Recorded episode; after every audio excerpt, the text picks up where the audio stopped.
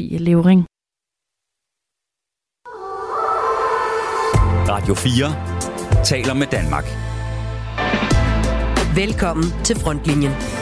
Din vært er Peter Ernst ved Rasmussen. Jeg kommer ikke til at gå ind i spekulationerne omkring øh, NATO. Jeg sagde det i, i går, og jeg vil også gerne sige det nu. Jeg er meget, meget glad for at være statsminister i Danmark. Øh, det er jeg også efter det her møde. Nej, Mette Frederiksen er ikke kandidat til embedet som generalsekretær i NATO, når norske Jens Stoltenberg træder tilbage til september. Det sagde den danske statsminister foran det hvide hus på grundlovsdag efter et næsten to timer langt møde med den amerikanske præsident Joe Biden. Jeg taler til sidst i udsendelsen med den politiske kommentator og tidligere forsvarsminister Hans Engel om, hvad vi så skal læse ud af besøget, og så taler med ham om det, som vi også indleder programmet med. I januar var jeg med, da forsvarsminister Jakob Ellemann Jensen sammen med forsvarschef Flemming Lentfer besøgte de danske styrker i Estland og Letland. I den forbindelse spurgte jeg forsvarschefen, om vi ikke skulle lave et længere interview, hvor vi kunne komme rundt om den aktuelle situation og nogle af de mange temaer, som fylder på forsvarsområdet. Det ville han meget gerne stille op til. Da vi kom hjem, skrev jeg til Forsvarskommandoen og bad om at få det interview i kalenderen, som forsvarschefen selv havde lovet mig. Jeg undersøger og vender tilbage, lød svaret fra Forsvarskommandoens pressemedarbejder, og det samme svarede Forsvarskommandoen hver gang, når jeg efterfølgende rykkede for en aftale, uden at jeg af den grund fik noget svar på mit reelle spørgsmål. I midten af april svarede Forsvarskommandoen så endelig, at jeg godt kunne få et interview, men så skulle jeg sende en spørgeramme. Da jeg havde sendt den, skulle den uddybes, og da jeg til sidst var ved at blive rigtig gal over de mange benspænd, jeg blev udsat for, blev jeg kaldt til en baggrundssnak med forsvarschefen for at tale om interviewet. Imod alle mine principper troppede jeg op på forsvarschefens kontor, og så skændtes vi i et kvarter for at blive enige om rammen for det interview, du skal høre nu. Nu er en baggrundssnak normalt en mulighed for højt placerede kilder til at orientere journalister om emner uden for citat. Men baggrundssnakken med forsvarschefen gik mest af alt ud på at få mig til at ændre min spørgeramme. I går troppede min kollega Kasper Junge Vester og jeg så op på forsvarschefens kontor for at gennemføre det interview, som forsvarschefen, forsvarskommandoen og diverse pressemedarbejdere har gjort alt, hvad de kunne for at undgå. Det er i hvert fald min analyse. Det var der også en noget anspændt stemning på kontoret, hvor interviewet blev overværet af forsvarschefens pressechef, hans adjutant og militærassistent. Radio 4 taler med Danmark. Tak, Flemming Lend for forsvarschef. Fordi at vi kan lave et interview, det har jeg faktisk glædet mig rigtig meget til. Vi skal jo rundt om en øh, række emner, og som jeg fortalte til dig, da vi mødtes her, så kunne jeg godt tænke mig lige at indlede med det her kasseeftersyn, som jo i den grad ligesom sætter rammerne for det forlig, der skal indgås nu. Øh, det var Morten Bødskov, daværende forsvarsminister, der iværksatte det sidste år, som nu har resulteret i en ekstra regning på 38 milliarder kroner. Det økonomiske efterslæb er bygget op over en overrække på 10-15 år, hvor du selv har været en del af forsvarets ledelse. Hvor stort et medansvar føler du for, at forsvaret står med det gigantiske økonomiske efterslæb? Jeg tror, ministeren på pressemødet sagde det så præcis, som det kunne gøres. Altså, at øh, det er noget, der er opbygges over en årrække, det her. Det tror jeg, alle er klar over. Og det er en skiftende forligskreds, en, et skiftende antal øh, forsvarsminister, departementchefer og forsvarschefer, som til, som til sammen øh, øh, står ved det her. Så hvor meget ser du dit eget ansvar i den del? Du har jo først været forsvarschef fra 2020. Ja, og selvfølgelig, jeg var chef for øh, Materiel Indkøbsstyrelsen øh, før da, og så selvfølgelig har jeg også arbejdet med nogle af de her problemstillinger. Det har jeg også gjort, øh, før jeg blev chef for Materiel Indkøbsstyrelsen. Så dermed siger du, at du påtager dig også din del af ansvaret? Det er klart. Jeg stået sammen med en minister, og øh, på ikke det sjoveste pressemøde, jeg har været med til, men det var også tid til at tage ansvaret for at øh, ligesom få vasket tavlen ren på en sådan måde, at de øh, revner, der er i fundamentet, som alle er klar over, og jeg tror ikke, der findes en soldat i forsvaret, som ikke de sidste 10-15 år har kunne konstatere, at år efter år, så er revnerne øh, blevet større og større, at øh, det skulle der tages et ansvar for, øh, og det øh, valgte vi øh, så at gøre. Øh, du nævnte det selv ved indgåelsen af det seneste forlig i januar 2018. Der var du direktør i Forsvarsministeriets materiel- og indkøbsstyrelse. Godkendte du selv de planer for de materielanskaffelser, der ligger til grund for det nuværende forlig, som jo så går fra 18 til 23? Jeg arbejdede selv med at øh, give input til de materielplaner, som selvfølgelig også ligger til grund for det forlig, der er nu. Og nikket god til ligesom det, der blev spillet ind i forliget, hvad angår materielanskaffelser? Nej, det det drejer sig om på det tidspunkt, som det har gjort de sidste 10-15 år, det har været at få mest forsvar for pengene. Men det var med dig som ligesom den sidste mand på alt det, der handlede om materielanskaffelser? Nu sad jeg ikke i forhandlingslokalet, så jeg havde heller ikke mulighed for øh, over for politikerne eller i de løbende forberedelser og forhandlinger at prøve at forsvare, dokumentere, øh, argumentere for, for, for tingens tilstand.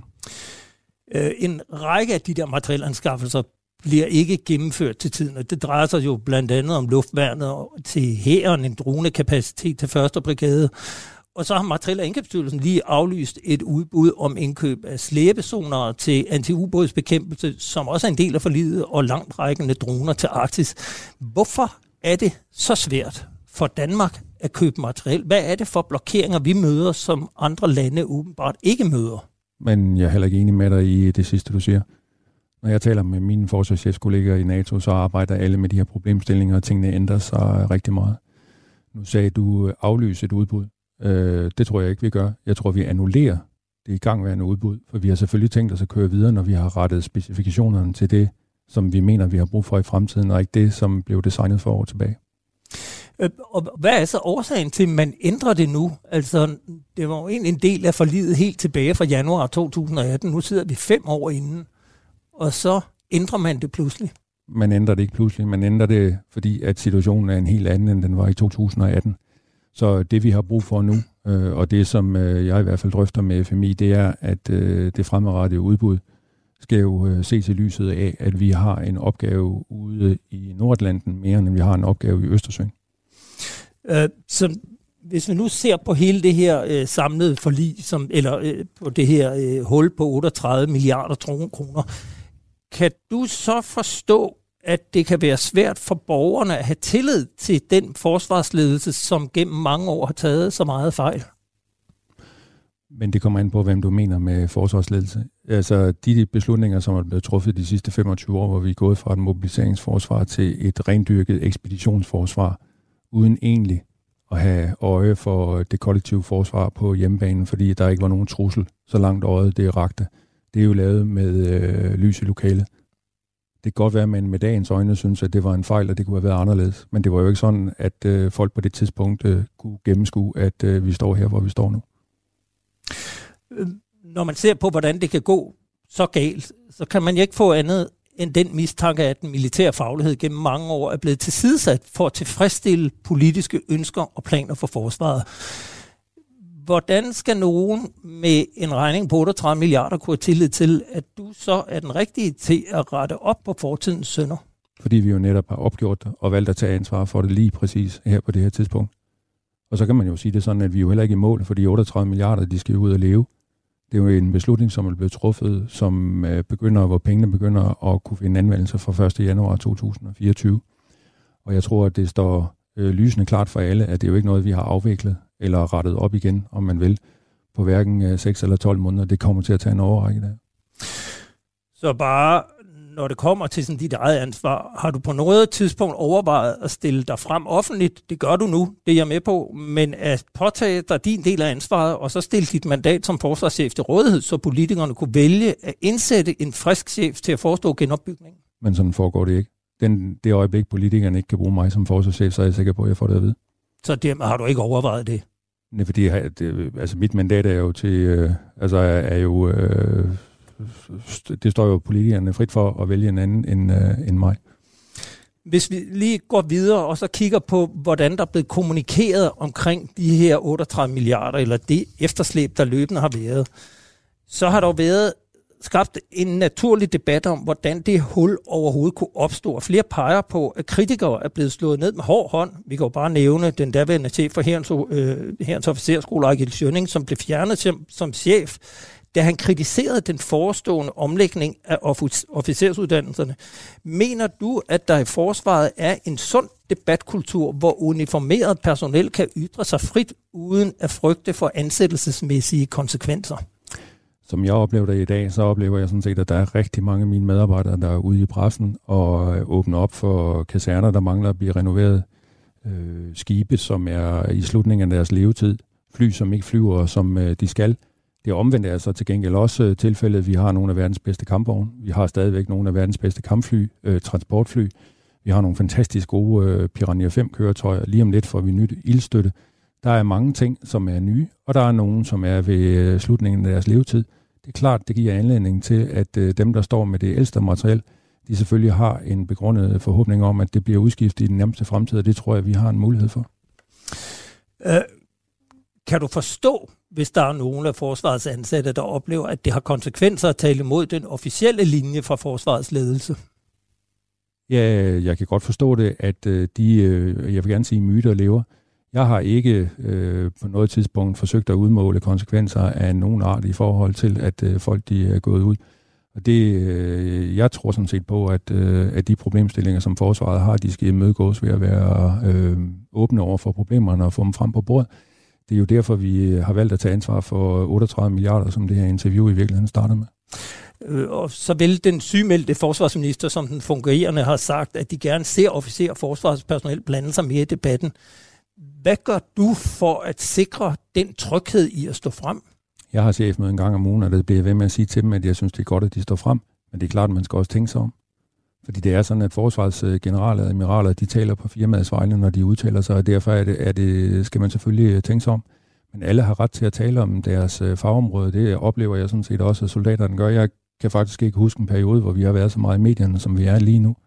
Både på godt og i anfølgelsestegn også på ondt, forstået på den måde, der jo er sager, der er, er giver anledning til kritik. Det har jeg det fint med. Hvor stort et ansvar føler du for jævnligt at gå i pressen og fortælle befolkningen om dine analyser og planer for, hvad forsvaret kan og har brug for? Altså, jeg havde jo en mistanke om, at du ville spørge om det der, så jeg tillod mig lige at google mig selv på øh, TV2 og på DR, og det vælter sådan set frem med artikler, som jeg har stået, skal vi sige, fader til, forstået på den måde, jeg har udtalt mig om alt lige fra lagerstørrelser til luftforsvar, til skibe, til det ene og til det andet og til det tredje, siden jeg øh, de sidste to og et halvt år så det kan godt være, at øh, der er nogen, der synes, at det skulle have været anderledes mere eller mindre, eller hvad det nu er. Men øh, helt øh, stå uden for kommunikation, det kan du i hvert fald ikke, øh, det kan du i hvert fald ikke sige. Ah, det siger jeg heller ikke. Den 24. februar, der invaderede Rusland Ukraine, og krigen har nu varet i mere end 15 måneder. Hvordan har krigen ændret truslen mod Danmark? Jeg vil sige det sådan, at for hele den vestlige alliance, eller den vestlige verden, øh, har det været et strategisk chok i perioden op til den 24. Øh, februar, og ikke sådan de få måneder, fordi der begyndte vi jo at se en, øh, en, en, en anelse til, hvad der kunne ske. Men i årene op til det der, der er det jo øh, erkendelsen af, at den regelbaserede verdensorden, den er under opbrud. Og der faktisk er et meget stort antal mennesker, som mener, at det skal være anderledes end den måde, som vi mener, at den regelbaserede vestlige verdensorden, som jo er formuleret af øh, vestlige lande efter den anden verdenskrig, at det skal se anderledes ud det er jo for alvor øh, gået op for folk, og erkendelsen vil jo stå tilbage den 24. februar 2022 som en milepæl. Og hvis vi så kondenserer det lidt, kan man sætte ord på, hvad er det for en trussel, der reelt er mod Danmark, og ikke bare den vestlige verden? Jeg tror sådan set bare, at man skal spole øh, fem år tilbage, så tror jeg, man vil kunne finde i, øh, i de efterretningsmæssige udsyn og vurderinger, at der ikke var nogen konventionel øh, trussel mod øh, det danske kongerige på en 10-års horisont. I dag kan du øh, læse i det seneste udsyn, at øh, grænsen mellem fred, krise og krig er overlappet, er tilsløret, og der i dag er et helt andet uforudsigeligt øh, billede, vi kigger ind i, og det er rigtigt øh, set med efterretningsøjne, er der ikke en konventionel trussel konkret direkte mod Danmark eksempelvis, men hvad der sker i morgen og i overmorgen, er der ingen, der kan forudse. Hvad mener du så, at forsvaret har brug for for at imødegå den nye trussel? Jamen der, altså man kan jo tage udgangspunkt i, øh, i det, vi selv har været med til at beslutte som land ud af 30, og nu 31 og forhåbentlig 32 nationer i NATO lige om lidt, nemlig et øh, fuldstændig anderledes strategisk koncept, som blev besluttet på Madrid-topmødet sidste år. Der gik vi fra at have generiske forsvarsplaner til, at vi nu konstaterede, at vi havde øh, to hovedopgaver i NATO. Det ene, det var kollektiv forsvar mod Rusland, og det andet, det var antiterroroperation. Og så står der nedfældet, at øh, øh, Kina kan udvikle sig til at være en systemisk øh, udfordring. Så det er konkret hovedopgaven for NATO nu. Og derfor er NATO jo gået fra nogle generiske planer til nogle meget konkrete regionale forsvarsplaner, som i øvrigt skal godkendes på topmødet, øh, og det er i hvert fald forventningen her om øh, 5-6 uger fra nu af, og de vil være med til at drive de kommende styrkemål, de vil være med til at drive de kommende behov for styrker øh, i øh, det samlede NATO, og der får Danmark jo forventeligt sin øh, færre share af det. Og kan du sætte øh, kapaciteter på? Altså kan du blive konkret om, hvad du forventer, at vi bliver bedt om at stille med, som vi eksempelvis ikke har i øjeblikket? Ja, det tror jeg, man kan udlede af styrkemålene, og styrkemålene, som vi har nu, øh, de bliver fornyet i 2025. Og jeg har ikke nogen forventning om, at de bliver sådan meget øh, nemmere at opfylde, eller billigere, eller for den sags skyld øh, mindre tunge. Styrkemålene er ikke som sådan officielle, vel? Det er jo ikke nogen, jeg kan slå op et sted her på Forsvarets hjemmeside. Og det er også derfor, jeg ikke har tænkt mig at sidde og ramse dem op for dig. Godt. Øh, det øgede beredskab, som jo var et en konsekvens af krigsudbruddet i Ukraine, har også øget personelafgangen fra forsvaret. Mener du, at de initiativer, der fremgår af regeringsudspillet, vil stoppe flugten fra forsvaret? Så skal du i hvert fald øh, definere regeringsudspil som både genopretningsplan og det kommende forsvarsforlig genopretningsplanen er selvfølgelig et fundament i det kommende forsvarsforlig, og skal selvfølgelig endelig politisk godkendelse om man vil. Og vi skal måske lige slå fast, at det, alt det, der dækker kaserner og uniformer ja. og køretøjer og materiel, og, som gør, at man har det, man skal bruge, når man går på arbejde. Præcis, og man kan sige det sådan, hvis man Spørg en soldat i dag, hvad der mangler for, at man synes, at øh, forsvaret bliver en mere attraktiv arbejdsplads, og det er selvfølgelig en øh, grov generalisering der, så, så bliver der hovedsageligt peget på fire ting. Det første, det er, at vi skal have nogle bedre materielle IT-forhold. Vi skal have nogle bedre etablissementsforhold. Vi vil gerne have flere kolleger, fordi vi kan godt lide kerneopgaven, men der er måske lidt meget af den. Og så det sidste, det er selvfølgelig nogle mere individuelle ansættelsesformer og øh, hvad skal man sige, HR-individrelaterede øh, tiltag i forhold til der, hvor vi er i dag. De tre af de fire områder har vi grundigt fat i i genopretningsplanen, og den sidste, som vi kan kalde HR i den her sammenhæng, det er noget, som der også står i udspillet, er noget af det, som politikerne gerne vil gå i gang med at kigge på som noget af det første. Øhm, mange herunder de faglige organisationer, de peger på, at fastholdelse er den allerstørste udfordring, og at den forudsætning for mange af den kommende tids investeringer, at man får stoppet den her personelblødning. Hvad er dit råd til politikerne for at løse problemet både på kort og, og, og længere sigt? At jeg for det første vil give øh, organisationerne ret. Jeg har selv de sidste to år sagt, at øh, vi skal sige fastholdelse før rekruttering. Og det skal vi, fordi at vores personalomsætning er alt for stor, særligt på de øh, unge øh, soldater af alle kategorier. Og så længe den er så høj, så har vi øh, ikke mulighed for for alvor at vækste på den øh, lange bane, fordi vi kan ikke sådan lige knap og nap følge med på rekrutteringen. Fordi vores rekrutteringsprocenter er faktisk, øh, tror jeg, større, end de nogensinde har været, men det er vores personalomsætning desværre også. Så vi skal have stabiliseret vores personalomsætning. Det er formentlig nogle af de fire ting, som jeg har peget på før. Og så over tid, så håber jeg, at vi kan gøre det til en mere attraktiv arbejdsplads øh, på den måde. For det vi også skal lære, det er, at øh, den verden, vi kigger ind i, er særskilt anderledes end den verden, vi øh, kendte for 5-10 år siden.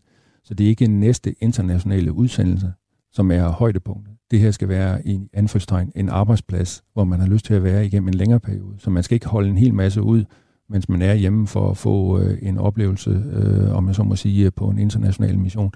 Vi skal have skabt nogle arbejdsmæssige forhold, som øh, folk ønsker at være i i en længere periode. Hvor langt ude i fremtiden er det mål opfyldt, tror du? Det kan jeg ikke svare på.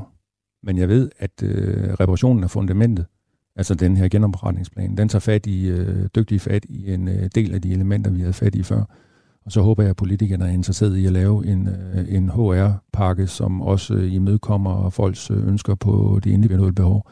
Og så håber jeg over tid, at vi kan få den rigtige balance mellem at blive udsendt og blive anvendt i den internationale kontekst, og så have tid til at opbygge det forsvar, som øh, vi også øh, gerne vil have. Så vi skal jo forøge værktøjskassen samtidig med, at vi også øh, skal bruge den.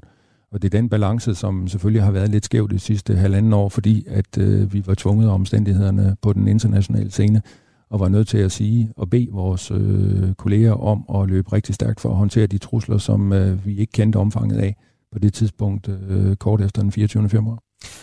Hvor meget har alle de militære donationer i form af våben, ammunition, køretøj og materiel til Ukraine betydet for forsvarets aktuelle evne til at løse sin opgave?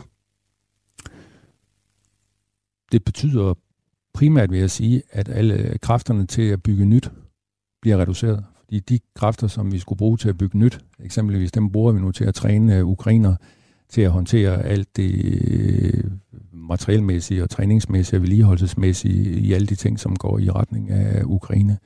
Og efterhånden så er der vel lavet militære donationer, jeg kan ikke huske det præcis, men det er vel i omegnen af cirka 10 milliarder på nuværende tidspunkt.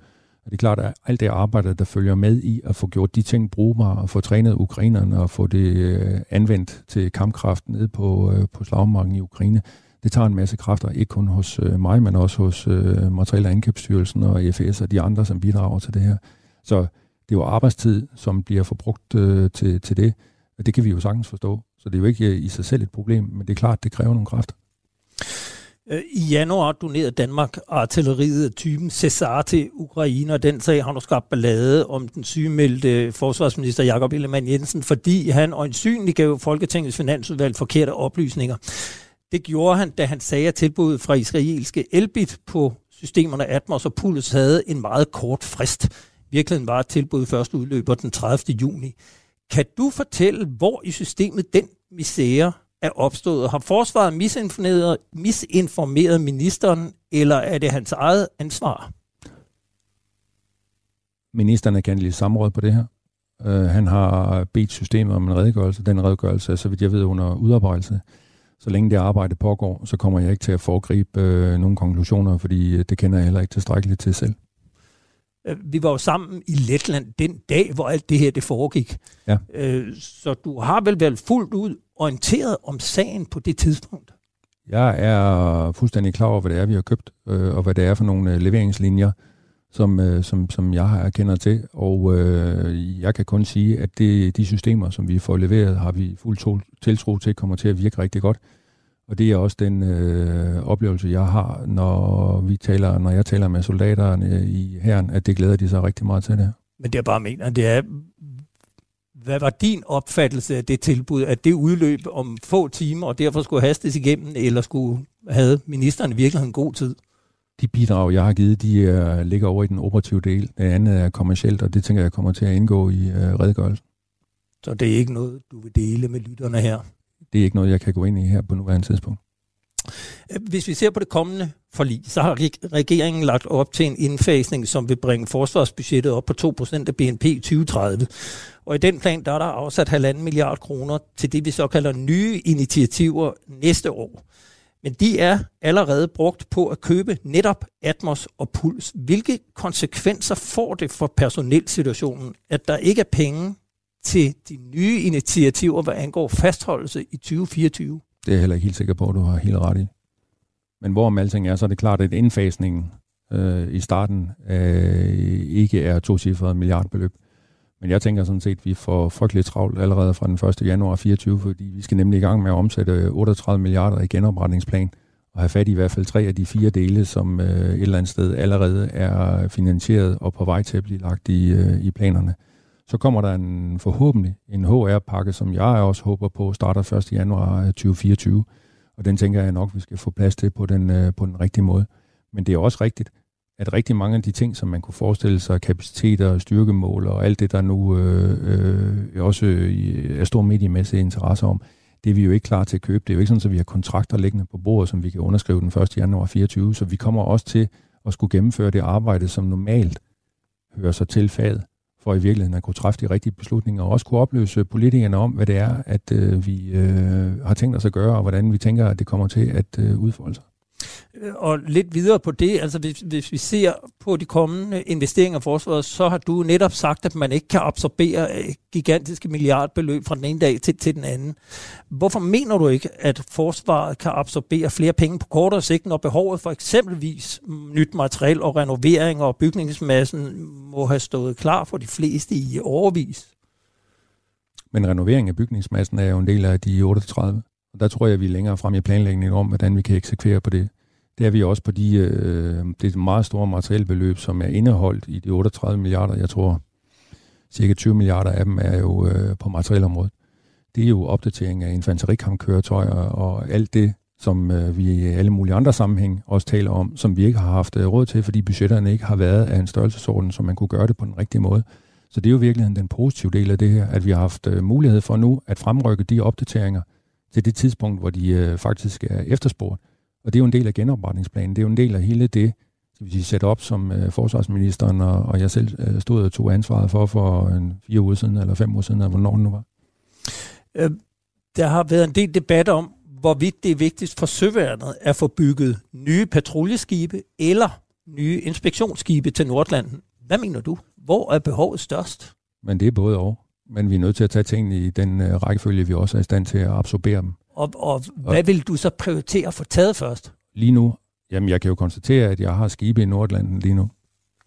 Jeg er helt med på, at de skibe, de er på vej mod øh, slutningen af deres øh, levetid. Men jeg kan også konstatere, at rigtig meget af den opgaveløsning, vi har ude i Østersøen og i Nordsøen, den, er, den øh, knytter sig til kritisk infrastruktur. Og hver gang vi har en eller anden øh, hybrid eller på anden måde en situation, hvor vi har brug for noget konkret militær kampkraft, så er jeg nødt til at frigøre fregatter fra deres øh, øvrige opgaveløsning for at deployere dem til Østersøen eller til Nordsøen eller andre steder, hvor behovet er. Og det behov, øh, synes jeg, er ret øh, påtrængende at få gjort noget ved. Det er en ret stor enhed at sende ud i, i tilfælde af sådan en alarm, er jeg lige ved at sige. Jo, men altså den korte udgave af forsvaret generelt, hvis vi ser det i forhold til styrkemål, det er, at vi har for få våbenbærende platform. Det gælder søværende, det gælder flyvåben, det gælder for den sags skyld også her. Så det er sådan set øh, sagens kerne. Øh, en anden debat, der har kørt omkring øh, det kommende forsvarsforlig, det er øh, hele organiseringen af Forsvarsministeriets område, hvor du selv sidder som chef for i virkeligheden den styrelse, man kalder Forsvarskommandoen, med alt det øh, uniformerede personel den er blevet debatteret løbende. Jeg kunne godt tænke mig at spørge dig, hvilke fordele ser du ved den model, man har nu, hvor du reelt er på niveau med de øvrige styrelseschefer og koordinerer på tværs med Materiel- og Indkøbsstyrelsen, Personalestyrelsen og Ejendomsstyrelsen?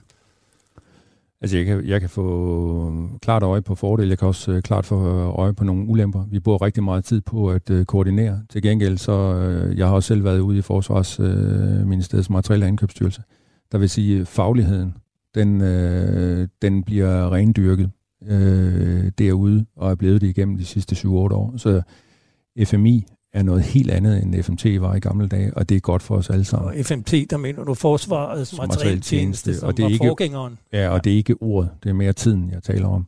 Altså samlingen af de tre materielkommandoer til, tilbage i 2005 var klart en af de store ryg i øh, det her, og det er der mange, der mener om, om det var godt eller dårligt. Sagen er i hvert fald i dag, der har vi en velfungerende tjeneste, som faktisk er i stand til at købe ting. Øh, de er udsat for rigtig meget kritik øh, undervejs. Det er ikke en kritik, jeg deler på de øh, sådan lidt letkøbte præmisser, som jeg ofte synes, det er. Men det er jo så, hvad der foregår internt i den styrelse, som før var en tjeneste. Mm-hmm. Øh, det kunne man vel også opnå de samme gode resultater, hvis du havde det overordnede ansvar med helhedsansvar for det samlede forsvar, og dermed også materiel personale, ejendommen. Og det noterer jeg mig også, at øh, politikerne er i fuld gang med at diskutere, øh, også ude i det offentlige rum. Jeg ser jo partier, der, der mener forskellige ting om det her. Jeg kan også konstatere, at i genopretningsplanen, øh, der taler man om en, et ekspertudvalg, som også skal kigge på, på, på, på, på, på de her ting her og komme med nogle anbefalinger omkring det her. Så hvis jeg bare spørger dig, hvis du kunne vælge, vil du så foretrække at have helhedsansvaret, altså tjenesterne under dit ansvar, eller vil du foretrække, at du er på niveau med de øvrige styrelseschefer og direktører? De gode råd giver jeg til politikerne. Så det må vi gætte os til. Øh, hvis vi lige ser på værnepligten, der jo også er til debat her omkring det kommende forsvarsforlig, så siger den fungerende minister, at han gerne vil øge værnepligten både i længde og i antal, ligesom han ønsker en ligestilling mellem kønnene. Og jeg ved, at man i forsvaret selvfølgelig har gjort sådan nogle overvejelser. Jeg hører tal øh, på rygtebørsen omkring 6.000 øh, værnepligtige. Øh, hvad håber du, at aftalen om værnepligten kommer til at indeholde, og kan du bekræfte nogle af de tal, der ligger jeres ønsker til politikerne? Jeg har i hvert fald behov for en afklaring. Og jeg vil sige, at den værnepligt, vi har i dag, som jo som udgangspunkt er en fire måneders værnepligt, jeg ved godt, der er specielle områder, som har nogle andre, er en værnepligt, når vi kigger ind i krystalkuglen, som måske ikke er særlig passende i forhold til det øh, behov, vi har fremadrettet. Så derfor skal der øh, skal det der diskuteres, at der skal findes en løsning, hvor de tre knapper, som du omtaler, man kan dreje på, altså længden, det har noget med, hvor langt kommer man i uddannelsen på det enkelte individ. Antallet, det har selvfølgelig noget at gøre med, hvor, hvor stor en masse skal der bruges og til hvad. Og så selvfølgelig øh, en, øh, en form for, øh, for, for, for ligestillingsdiskussion. Øh, og det har jo noget at gøre med, hvor stor en, øh, en øh, befolkningsandel, som øh, kommer til at stifte kendskab med forsvaret på værnepligtsvilkår. Øh, Men du vil ikke sige noget om, hvor du selv ligger. Altså, hvad er det, du godt kunne tænke dig, hvis du frit kunne vælge? Jo, jo, det vil jeg jo. Jeg, jeg, jeg siger bare, at øh, det vil jeg også gerne øh, forbeholde mig retten til at øh, rådgive med øh, politikerne om. Men selvfølgelig kan, men, jeg, men, kan jeg sagtens se et behov for, at øh, de mennesker, som vi uddanner, uddanner i forsvaret, får en anden type uddannelse, fordi det, vi skal bruge værnepligten til, er anderledes, end det var for en 4-5 år siden. Men hvorfor er det ikke, du vil sige det her? Men det synes jeg da også, jeg forsøger at gøre ret øh, tydeligt. Altså, ikke noget med tal på. Altså, du kunne sige, hvad, hvad ligger der i dit øh, forslag til ministeren? Hvad, hvad taler vi om? Taler vi om de samme 4.000, der bare skal være der længere, eller taler vi om 6.000, der skal være der i 12 måneder, eller for, for, hvor, hvor, hvor ligger vi henne ungefær? For mig er det centrale omdrejningspunkt, at øh, folk bliver bedre uddannet, end de er i dag. Så du vil ikke sige noget om, hvor, hvor mange du forestiller dig, der du helst gerne så skulle aftjene værnepligt? Nej, fordi det afhænger af, hvor stor en øh, masse skal vi bruge til det øh, ambitionsniveau, som politikerne ikke har besluttet endnu. Øh, hvis vi også lige når omkring styrkemålene, så øh, lever Danmark kun op til ganske få af NATO's styrkemål, og ifølge den fungerende forsvarsminister, så vil vi realistisk set først leve op til dem alle omkring 2035, eller måske en, en dag senere. Deler du den opfattelse? Det er fuldstændig rigtigt, at på rigtig mange styrkemålene, så er vi øh, bagefter. Vi er bagefter tidsmæssigt, og vi er bagefter indholdsmæssigt også. Og øh, det er jo sådan, som du også ved, at med styrkemålene, at de bliver øh, raffineret, øh, eller justeret, eller udbygget, om man vil, hver fjerde år. Det er ikke sådan, at alting skal være færdigt efter fire år. Nogle af de styrkemål, vi, øh, vi har nu, er jo først i starten af, af 30'erne, men det er de vel tæt på i betragtning af, hvad det er, at man skal nå at opbygge inden, øh, inden et specifikt tidspunkt. Så det, som jeg i hvert fald er mest optaget af, det er, at vi sørger for det indholdsmæssige, at vi giver et bud på det indholdsmæssige, fordi det tidsmæssigt, det er klart, på nogle områder, så er det uopnåeligt øh, at anskaffe og bygge de ting, som tilhører nogle af de styrkemål. Så jeg er meget fokuseret på, at vi kan give et fornuftigt bud på det indholdsmæssige. Og jeg gætter på, at en af ting, de ting, du vil sige er urealistisk, det er blandt andet det her med, at der i de nuværende styrkemål står, at Danmark skal stille med en tung brigade i 2032. Hvor realistisk er det? Ja, først og fremmest, så skal vi i hvert fald have gjort den klar, som den er medium lige nu. Ja.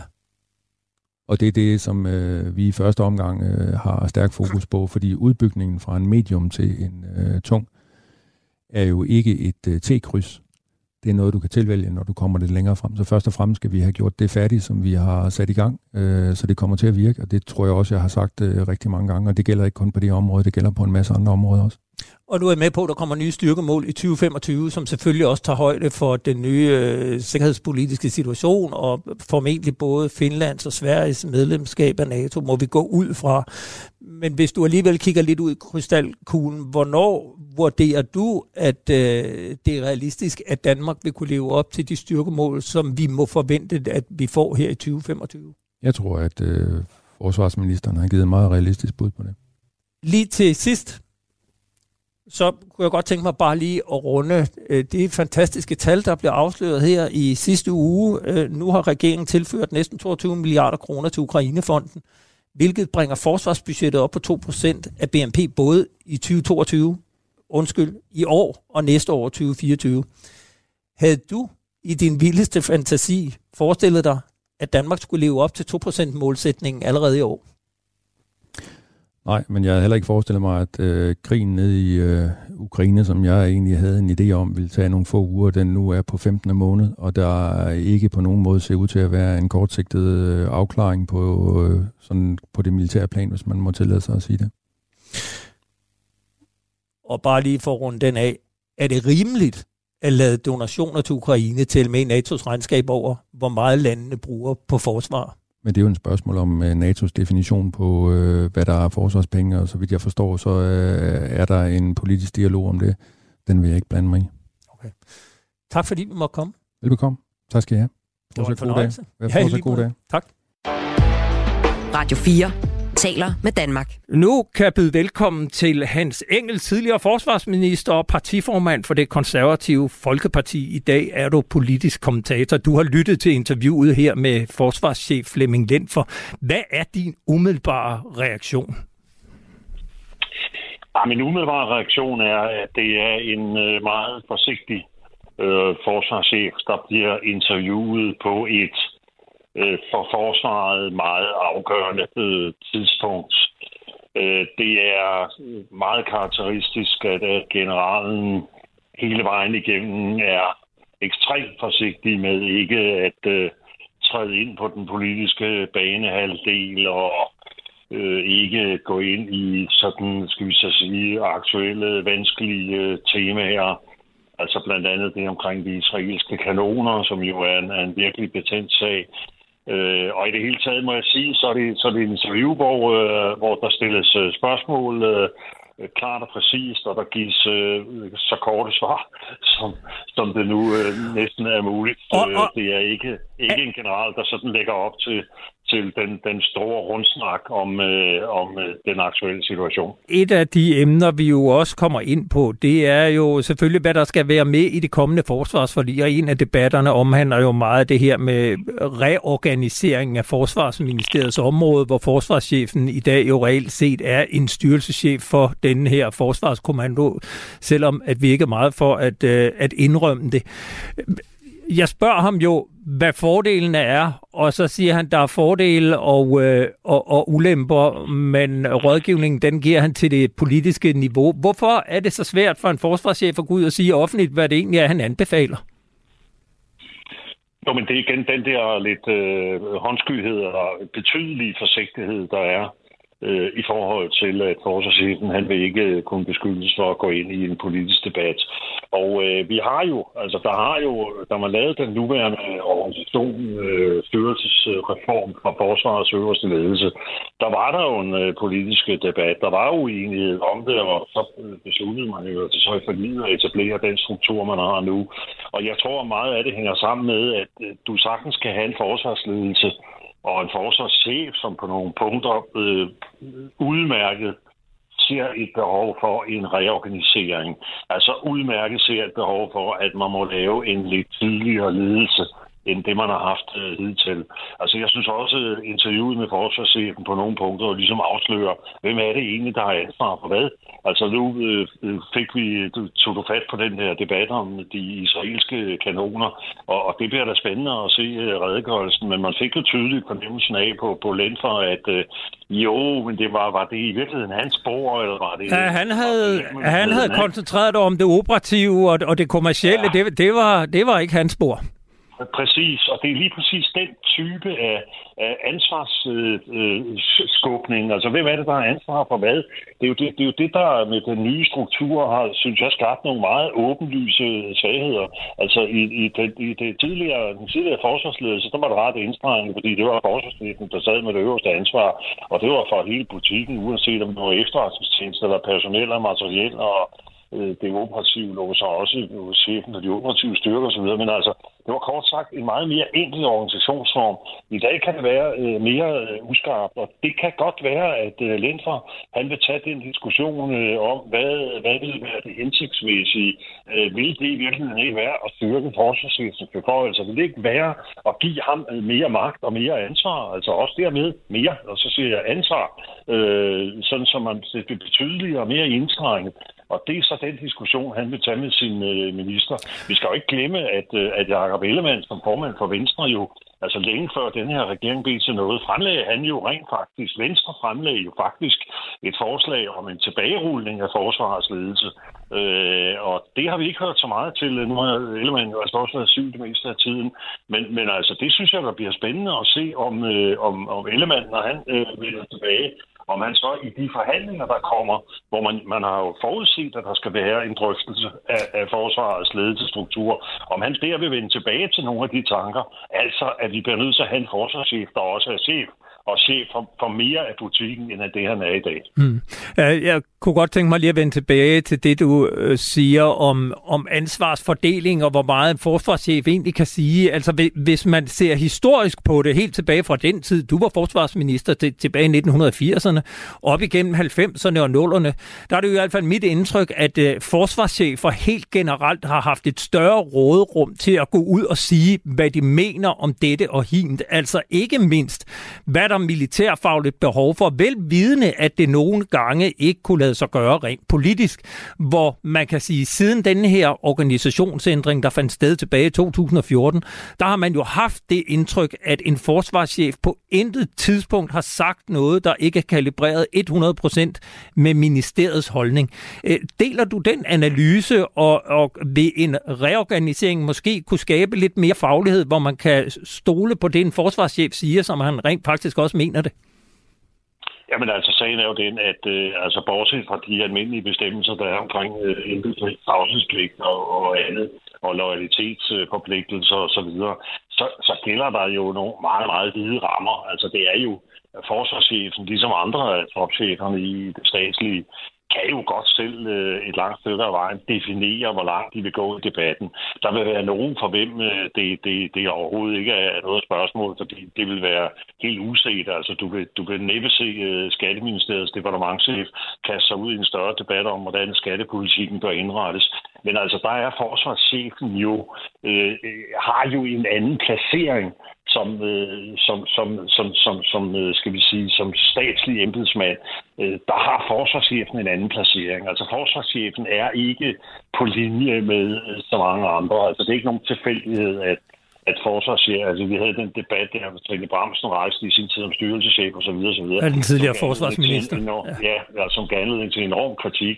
Og det er jo fordi den almindelige opfattelse af at landets forsvarschef er, at forsvarschefen har altså, og, og kan også tiltage sig nogle beføjelser til at mene noget om, om landets uh, sikkerhed, om forsvarets tilstand, om skal vi sige, emner, som ikke lige går ind i kernen af noget partipolitisk, men som også kan have noget politisk øh, og i hvert fald skal diskuteres politisk. Og der må man sige, hvor... der har udviklingen klart bevæget sig i retning af, at, at at større grad af forsigtighed og, og, og tilbageholdenhed. Hvad er, øh, hvad er konsekvensen af, at man oplever forsvarsledelsen så meget mere tilbagetrukket og forsigtig?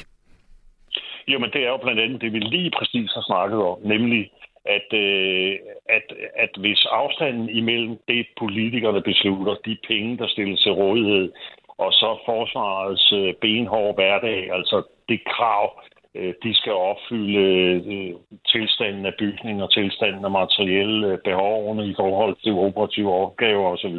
Altså hvis den afstand begynder at blive øh, for lille, så er det jo der, en, en forsvarschef jo godt kan gå på banen og ligesom løfte fingeren i forhold til, øh, til, til politikerne, uden at gå ind i sådan et, et partipolitisk slagsmål.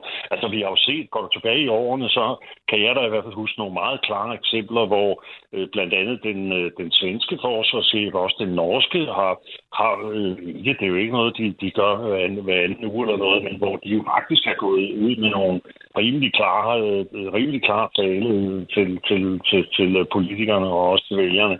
Men det har, den, den samme form for tradition har vi altså ikke i Danmark, og, og den forsvarspolitiske debat, den er ikke, den er, altså der synes jeg ikke, Danmark på nogen som helst måde er, er, for, er forbilledelig, altså når vi sammenligner med, med andre lande. Og kan man ikke øh, sige, at, at i virkeligheden så understreger det her interview behovet for, at man får øh, altså netop løsnet op, som man giver forsvaret mere styrke til også at kunne sige, hvad forsvaret egentlig mener, altså selvfølgelig gennem den tidende forsvarschef? Jo, altså nu øh, talte I også, øh, generalen, og du øh, øh, var også inde på hele spørgsmålet om tillid. Og vi skal altså lige huske på, at øh, det, man beder, det politikerne, forsvaret, men jo altså politikerne beder vælgerne om, det er at bevilge et beløb på 50-60 milliarder om året til det danske forsvar det er saftsusmer et stort øh, beløb, og det er et meget stort øh, ansvar. Og det gør jo også, at vælgerne har et krav på at øh, kunne følge med i, øh, kører man tingene ordentligt og fornuftigt, og hvorfor er der ikke mere styr på det? Hvordan kan det være, at 3-4 milliarder har man pludselig, man pludselig ikke, hvor er forsvundet hen, og så videre, og så videre. Og derfor er situationen den, at hvis, hvis hele kommunikationen alene består i, som general Lindner siger, at jo jo, han skal nok blande sig i diskussionen omkring det med værnepligten, øh, og hvordan man bør prioritere det, men det gør han i sin rådgivning til ministeren.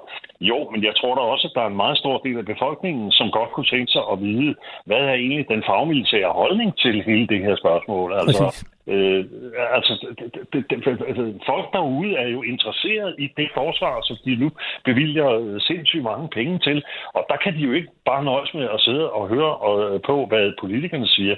De kan jo ikke, øh, altså, heller ikke ministeren, fordi hvis forsvarschefen kun taler med ministeren og ikke ud til vælgerne, så har de jo ikke andet at bygge på, end det politikerne siger plus hvad forsvarets organisationer mener. Så altså det her, jeg synes, man springer ved over, at at den fagmilitære ekspertise repræsenteret ved den øverste militære ledelse kan have en meget stor øh, øh, skal vi så sige, øh, effekt ved at øh, lægge nogle fakta ud, fortælle folk om forhold, hvordan det er, uden at det behøver at blive øh, politisk. Og det synes jeg, det er jo også det, ligesom det krav, man må stille til topembedsmændene i, i, i staten, på statens øh, højeste poster, at de er i stand til at kommunikere, uden at det derved, at de derved kan beskyldes for at gå ind i politik. Altså, der er, der er en skillelinje, og det, det, må, det må ligesom til et moderne kommunikationssamfund være en del af kravet, at man kan kommunikere, uden at det betragtes som, at øh, nu er det pludselig øh, nu er det pludselig partipolitik. Og, for lige så at tage den del, der handler om det med tillid. Altså, forsvarschefen kan jo ikke se, at der skulle være tillidsproblem i forhold til ham, selvom han har været med i en lang række forsvarsforlig, og han senest sad som direktør i Forsvarsministeriets materiel- og indkøbsstyrelse, da det seneste forlig blev indgået, og hvor han jo selv siger, at han selvfølgelig var med til at lave planerne, men han sad ikke med i forhandlingerne, derfor kunne han ikke gå ind øh, og, og, og komme med sin rådgivning inden i forhandlingerne. Kan du forstå, hvis øh, befolkningen har svært ved at fatte tillid til en forsvarschef, der har været så engageret i de tidligere forsvarsforlig, og dermed også har ansvaret for, at det er gået så galt, at der mangler 38 milliarder kroner i dag? Ja, altså, det, det, kan, det kan jeg godt forstå. Altså, hvis man kender den måde, hvorpå politiske forhandlinger og forhandlinger i et departement og med forsvarsledelse osv. osv. foregår, kan jeg sådan set godt forstå, at, at Lindfor han ikke sådan ligesom sidder og føler, at nu skal han, øh, nu er det ham, der skal påtage sig rollen som Jesus på korset, øh, tage ansvaret for alle denne verdens øh, fejl og mangler og så sønder. Og hvis vi så også lige skal runde Jakob Ellemann Jensen og hele sagen om det her artillerikøb, som, som vi har talt om, hvor alvorlig er den sag for den sygemeldte Jakob Ellemann Jensen, når nu Troels Lund Poulsen meget klogeligt øh, holdt den ud i strakt arm på pressemødet, øh, da han præsenterede udspillet til det kommende forsvarsforlig, og, og nu har bedt Jakob Ellemann Jensen om at øh, udarbejde en redegørelse, som, som forsvarschefen også nævner. Jeg mener, at den sag er særdeles alvorlig. Altså, vi taler om et øh, milliardkøb, og vi taler om hvorvidt Folketinget simpelthen er blevet fejlinformeret. Og øh, jeg synes ikke, det fremgik særlig klart af, af forsvarschefens øh, interview, det interview med ham. Der fremgik det ikke særlig tydeligt, hvor, hvor, hvor er det egentlig øh, fejlen er sket. Øh, men altså, der er henvisning til, øh, til den redegørelse, der skal laves. Du lytter til Frontlinjen på Radio 4. Ja, vi forlader interviewet med forsvarschef Flemming Lent, for, for nu skal vi videre til en anden sag, som i den grad optog store dele af Medie Danmark i denne uge. Mandag besøgte statsminister Mette Frederiksen endelig den amerikanske præsident Joe Biden i det hvide hus i Washington. Og der var et emne, som alle journalisterne, både de danske og amerikanske, spurgte ind til rigtigt, at det her møde tog længere tid end planlagt, og det er jo kun positivt. Altså, det er vi har det rigtig godt sammen, øh, præsidenten og jeg, og vi synes, der var rigtig, rigtig mange ting at diskutere. Jeg kommer ikke til at gå ind i spekulationerne omkring øh, NATO. Jeg sagde det i, i går, jeg vil også gerne sige det nu. Jeg er meget, meget glad for at være statsminister i Danmark. Øh, det er jeg også efter det her møde. Ja, jeg har stadig dig med, hans Engel, politisk kommentator. Mette Frederiksen siger, at hun ikke er kandidat til embedet som generalsekretær i NATO. Kan vi stole på hende? Ja, det kan vi i den forstand, at hun er selvfølgelig ikke kommet til det hvide hus med en jobansøgning i, i lommen. Sådan foregår det ikke, og jeg kan heller ikke rigtig forestille mig, at man sådan har siddet og diskuteret, øh, øh, synes du, Joe Biden, at jeg kunne være til, til rådighed som NATO-generalsekretær osv. Nej, det er ikke sådan, det foregår. Altså, øh, Biden øh, har i høj grad benyttet denne her øh, samtale, to timer samtale, til at danne sig et billede af Mette Frederiksen. Øh, hvordan er hendes, øh, skal vi sige, taktiske, strategiske øh, forståelse? Hvor meget kan hun sikkerheds, udenrigs, øh, de tunge øh, temaer, forsvarspolitik? Øh, hvordan ligger hun i forhold til USA? Øh, hvordan er hendes øh, tankesæt øh, sådan om forholdet globalt set i forhold til Rusland, Kina så, og så videre, så videre. Så i virkeligheden har det været Joe Biden, der gerne har ville se på Mette Frederiksen øh, ud fra det synspunkt. Ja, hun er en mulig kandidat til posten som NATO-generalsekretær, men jeg vil gerne lære hende nærmere at kende. Han har mødt hende til møder, konferencer, topmøder og den slags, hvor de har talt sammen kort. Det her, det er første gang, hvor han øh, i en to timers samtale får lejlighed til at danne sig et billede. Så går spillet videre. Altså, NATO-generalsekretæren udnævnes jo i en tæt kontakt, især mellem de store lande. Man taler om forskellige muligheder, og til sidst så snæver det sig ind. Så det her, det har, det har selvfølgelig ikke været en jobsamtale, men det har været en amerikansk præsident, der øh, vel nok efter samtalen har kunnet danne sig et billede af, om man overhovedet kan se Mette Frederiksen som generalsekretær. Men hvad skal vi så lægge i, at regeringen umiddelbart inden at Mette Frederiksen så skulle besøge Joe Biden i det hvide hus, vælger at tilføre Ukrainefonden næsten 22 milliarder kroner, så det danske øh, forsvarsbudget indregnet donationer til Ukraine i både i år og næste år kommer op på de her magiske 2 procent, som vi har lovet NATO. Jo, men det er en god øh, adgangsbillet. Det er en god start på samtalen at øh, hun kan konstatere, og Biden har selvfølgelig også fået papirer fra den, danske, fra den amerikanske ambassade i Danmark, øh, som viser, at Danmark øh, lever op til, øh, til, til øh, NATO-kravet. Han er også orienteret om, at vi ligger i forhold til landets størrelse, højt i forhold til bidrag til, til Ukraine, at vi øh, støtter og har støttet USA i et stort antal af de aktioner, de har deltaget i osv. Så, så altså man kan sige, at det, at man så får Ukrainefondspengene øh, regnet ind, og det er jo altså til synligheden også noget Stoltenberg og NATO dermed har godkendt, i hvert fald for en del af pengenes vedkommende, det gør, man så må sige, at grundlaget for et eventuelt kandidatur til NATO-generalsekretærposten er i orden.